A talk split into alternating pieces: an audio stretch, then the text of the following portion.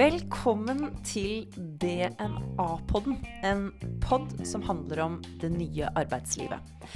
Her skal vi rett og slett tenke høyt og dykke ned i det som opptar oss. Vi, Mette Hopsdal og Anne Sofie Hjems, vi har jobbet innen ulike bransjer på ulike nivåer, men vi har alltid jobba med mennesker og brenner for at mennesker skal trives på jobb.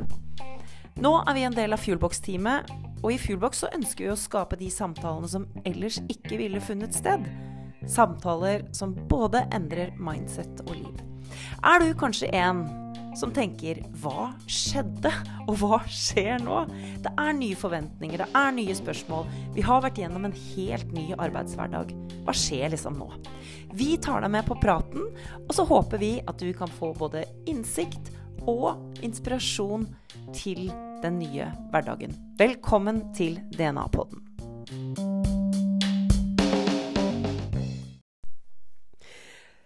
Hei, Mette. Vi er uh, tilbake igjen. Vi, vi, gir oss ikke så lett. Nei, vet du hva. Nå blir ikke dere kvitt oss. Nå blir dere ikke kvitt oss. Forrige gang så snakket vi om relasjoner og viktigheten rundt uh, i det for å hente ut det kollektive potensialet, for å skape de høytpresterende teamene som vi trenger.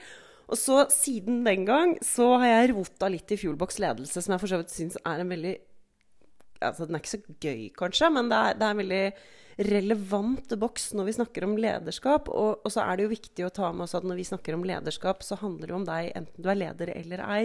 For det handler jo mye om selvledelse også. Men et av spørsmålene som jeg da kom borti, som jeg hadde lyst til å kaste ut i starten på dagens podkast, det er hvordan har dine beste og verste ledere vært?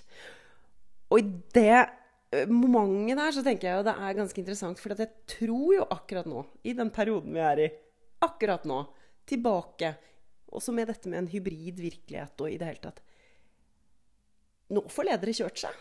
Ja, nå får de kjørt seg, altså. Det blir jo veldig transparent i type krisesituasjoner. Det er veldig lett, eh, mye lettere å være leder når alt glir, og, og man leverer godt og alt bare funker. Men det er klart med en gang ting begynner å bli vanskelig, og ikke minst når man får en pandemi i fanget, som vi aldri har forholdt oss til før, så ble det veldig transparent hvordan ledere velger å eh, gjennomføre og utføre lederskapet sitt. Men jeg har lyst til at vi skal selvfølgelig gå litt inn på, på dine tanker rundt gode og dårlige ledere. Men jeg har lyst til å høre aller først hvordan har dine dårligste og beste ledere vært? Hva er det som sitter igjen liksom, som noe av det viktigste, både av det beste og det verste? Um, jeg kan begynne med uh, det som jeg har uh, syntes ikke har vært så optimalt. da. Og det har jeg heldigvis ikke opplevd. Du er litt mer uh, diplomatisk enn meg. Ja, nå er jeg veldig diplomatisk. jeg prøver, jeg, det kan jo godt hende at disse lederne hører på. så jeg prøver å Nei. Men vet du hva, det, er, det handler jo om tillit for meg. Sånn at uh, jeg syns jo personlig at det er vanskelig å forholde meg til ledere som ikke deler noe av seg sjøl, og som, er, som, er, så private. Fordi at det, det, det, gjør meg usikker på det, det er jo hva forventer du av meg? Hva er så viktig for deg? For jeg har jo lyst til å levere. Alle har jo lyst til å levere. Eh, og det som har vært eh, en opplevelse som jeg har hatt en gang, det er at eh, ledere som du er helt avhengig av for å kunne gjøre en god jobb, eh, som man er usikker på. Du er ikke sikker på om de har ryggen din. Du er ikke sikker på om de er fornøyd med jobben du gjør. For det er ingen dialog der, og de skiller veldig på en måte mellom eh, jobb og privat. Sånn at de, de, deler ingenting. Og det betyr at man sitter der og lurer på eh, hva egentlig Altså er vår, hvordan er tilliten mellom oss?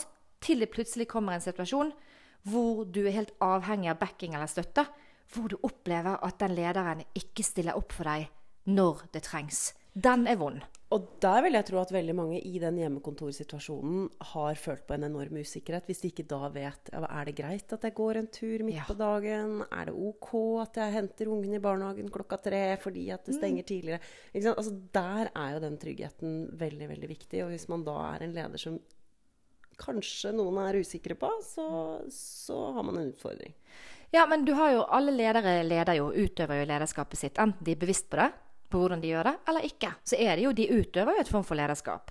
Men så har vi alle, alle da, alle oss blir jo også utsatt for ledelse. så alle vi som er her og hører på nå, vi har jo også ledere som vi blir utsatt for, da. Eh, på godt og vondt. På godt og vondt. Heldigvis er det mest godt. Eh, og det er jo det som er fantastisk, at eh, de gangene eh, man opplever at man har det optimalt på jobb, så har også det veldig ofte en sammenheng med at man har ledere som man på en måte Eh, er trygge på, fordi man vet hva man skal levere. Man vet hva det forventes av meg. Sant? Hvilke ting er det som, eh, hva, hva, kan jeg gjøre hvis jeg ønsker å gjøre en god jobb for deg og for denne bedriften? Eh, og ikke minst også at du har en leder som eh, investerer litt i deg, og som viser ønske og interesse for deg som person, og hva som er viktig for deg. For du skjønner at det er viktig for organisasjonen òg. Så da er du inne på de lederne som du tenker er de beste lederne? Jeg opplever at de beste lederne jeg har hatt, det er ledere som er gode på relasjoner og relasjonskompetanse. Altså relasjonelle ledere. Det syns jeg alltid fungerer utrolig bra, for da har du ledere som forstår at det å bygge trygghet, det å være tydelig på forventninger, det å være forutsigbar, det å være empatisk, det er både god business, men det gjør også at jeg i hvert fall trives. Og når jeg trives, Anne Sofie, da leverer jeg ekstremt mye bedre enn hvis jeg er usikker på den lederen jeg har rundt meg. Så så enkelt er det.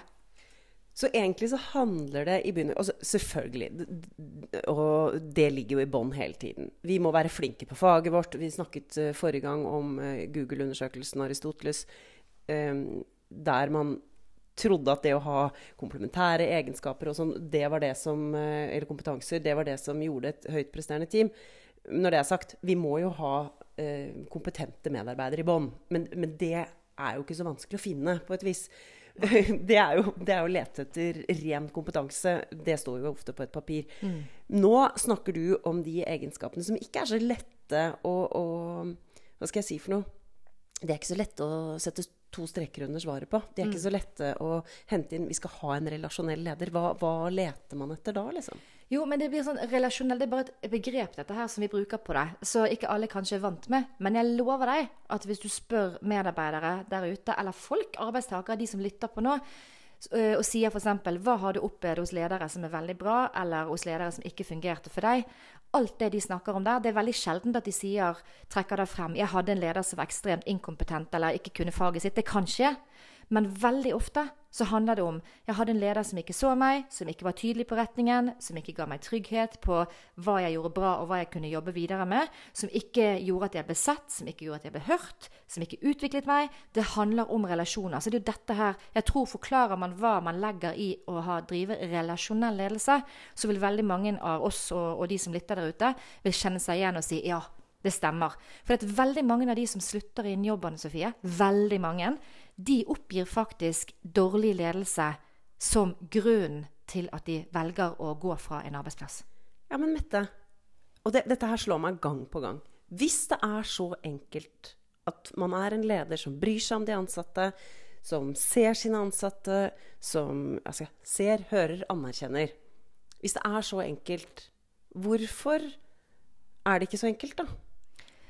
Men jeg tror jo Det er et godt spørsmål. For meg er det veldig enkelt. Så veldig godt var det vel kanskje ikke, ja, men jeg, undrer, jeg, undres så veldig jo. rundt det. For, for, når det er så enkelt, det handler om helt sånne enkle mekanismer, ja. hvorfor gjør vi det ikke i større grad? Du, dette er det jeg har prøvd å finne ut i hele karrieren min. Eh, og det er dette som gjør at jeg også drives og, og trygges i min hverdag, eh, Sofie.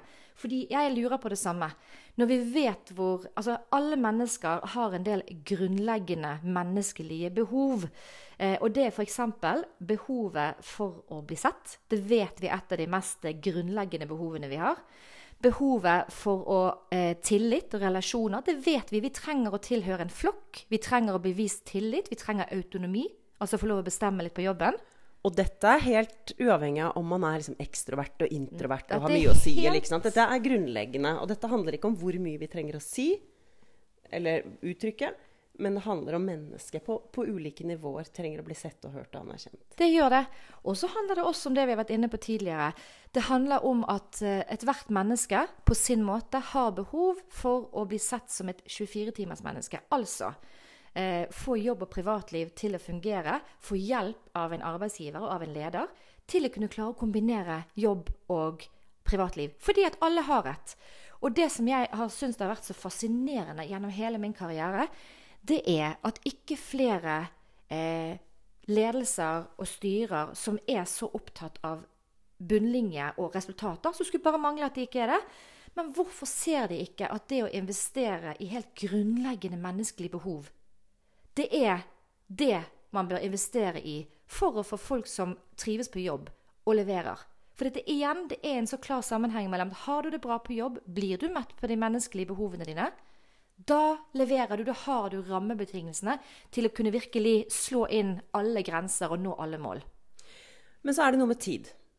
Uh, selvfølgelig i en optimal verden der alle ledere hadde tid til å bare være personalledere, men ikke var utøvende på noe vis innen businessen man er en del av, um, så hadde jeg skjønt det. Men, men altså, det er jo noe med hvordan skal man som leder, eller også som medarbeider og en del av et kollegium, hvordan skal man klare å ta seg tid til den relasjonelle delen av jobben, da? Når man er Because we're really busy people. Jo, men det handler jo om at Og det, dette her er jo litt av det jeg tror driver både meg og deg. Det er jo at vi ønsker å være med og bidra til at folk og ledere og, og bedrifter og næringslivet forstår at dette her Grunnen til at ikke man ser at dette her har noe vi har tid til, det er jo fordi at eh, eh vi ser ikke at det er viktig nok. Vi tenker at det er nice to det er ikke need to. Så det handler jo om mangel på forståelse på hvordan, hvor sinnssykt tett dette henger sammen med prestasjoner, og da igjen leveranser og bunnlinje, som det gjør. Så det, det er jo fordi ikke folk forstår den sammenhengen. Og tenker at folk og sånn, det å ha det bra på jobb, det, det er sånn som er kjekt. Ja, det er sånn som HR driver med det. er sånn HR, HR, Men det er ikke kritisk. Det tror ikke folk er kritisk. Og det er den forståelsen vi må utfordre. Nå høres vi veldig kategoriske ut, hører jeg. Men, men det er sånn fordi at vi møter jo mange kunder hvor, hvor, vi kjenner at vi må overbevise om at dette med relasjoner er veldig viktig. Mm. Så, så, det som ble liksom eh, det intense samtaleemnet i dag, det er jo Vi kjente vi brant litt begge ja, to i dag. Men det handler jo om noe veldig grunnleggende. Og det vi ønsker å inspirere til også i, i de, post, de neste podkastene, er jo nettopp det at hvorfor er relasjoner så viktig, og hva er det vi kan få ut av det? Mm. Um, og det er vel det første vi tenker at vi må ta eh, noen runder på. Det er jo hvorfor, og hva er det vi kan få til ved å jobbe med det relasjonelle. Og ta oss tid til det, fordi at det er viktig for bunnlinja. Og kanskje sånn avslutningsvis, hvordan står det til med relasjonene våre nå? Etter å ha vært i halvannet år med pandemi, og nå er vi tilbake på kontoret, mange av oss. Hva skjer nå? Hvordan står det til med relasjonene? Og, og, de relasjonene vi har til folkene rundt oss, når vi nå skal gå fremover i denne såkalte nye normalen. Og det tenker jeg er en fin avslutning, ja. og en eh, oppfordring til uh, enten du er leder eller en del av et kollegium, regner jeg med at du er. Gå ut nå og tenk hvordan står det til med relasjonene på vår arbeidsplass? Og så kan vi ta den tråden videre i neste episode. Det syns jeg vi skal gjøre. Tusen takk for i dag. Takk for i dag. Ha det godt.